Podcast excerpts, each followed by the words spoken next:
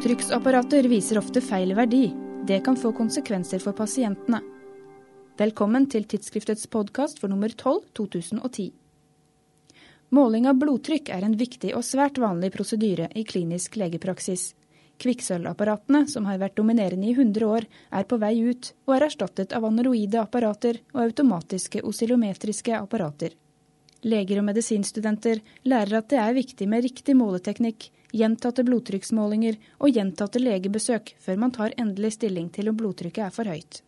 De fleste går ut fra at selve apparatet er i orden. Men det er ingen selvfølge, sier Nils Moe.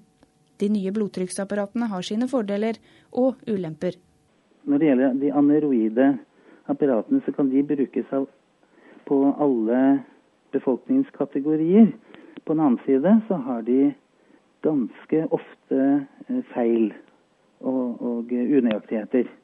De automatiske apparatene de måles stort sett korrekt, men de kan ikke brukes der hvor pulsen er uregelmessig. Og det er eh, ikke tilfredsstillende dokumentert at de viser helt korrekt verdi hos gravide og barn. Mo og kollegene har undersøkt hvilke blodtrykksapparater som brukes i allmennpraksis, om det er rutiner for kontroll og kalibrering av apparatene. Bare 6% av legene hadde kvikksølvtypen, mens det store flertallet hadde manuelle aneroideapparater. Nesten ingen hadde faste rutiner for kalibrering, og mange etterlyste veiledning og anbefalinger. Vi fant ut at det var svært få leger som har etablert faste rutiner for kalibrering. Kun 4 av legene og legekontorene vi spurte, anga å ha etablert slike rutiner. Noen få prosent hadde slags løselige avtaler med produsent eller andre om kontroll, mens det store flertall, altså vi snakker om borti 90% av legene, ikke har rutiner for å kalibrere apparatene. Hvorfor bør blodtrykksapparater kontrolleres, og hvor ofte?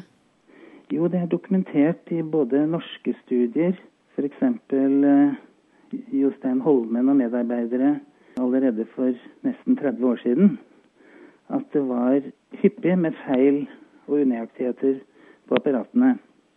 Internasjonale studier har også vist eh, akkurat det samme. Så det er ganske godt eh, belegg for å si at de burde kontrolleres. Nå har internasjonale guidelines eh, når det gjelder blodtrykkskontroll og behandling av hypertensjon anbefalt at i primærhelsetjenesten så burde apparatene kontrolleres én gang i året, mens de i klinikken burde kontrolleres to ganger årlig. Å få målt et for høyt eller for lavt blodtrykk kan naturlig nok få konsekvenser for pasienten. En feildiagnose kan påvirke opplevelsen av egen helse i betydelig grad, og i tillegg føre til feil behandling. Det kan bety at noen pasienter ikke får den behandlingen de burde hatt. Altså at de kanskje har fått målt et for lavt blodtrykk. Eller at noen unødvendig behandles. At de hadde ikke trengt behandling, men de får det likevel, siden det har vært målt et for høyt blodtrykk. Hva bør gjøres, mener dere? Vi mener at det bør etableres anbefalinger for eh, kontroller og kalibrering nå har eh, legene vist gjennom deltakelse i NOKLUS f.eks.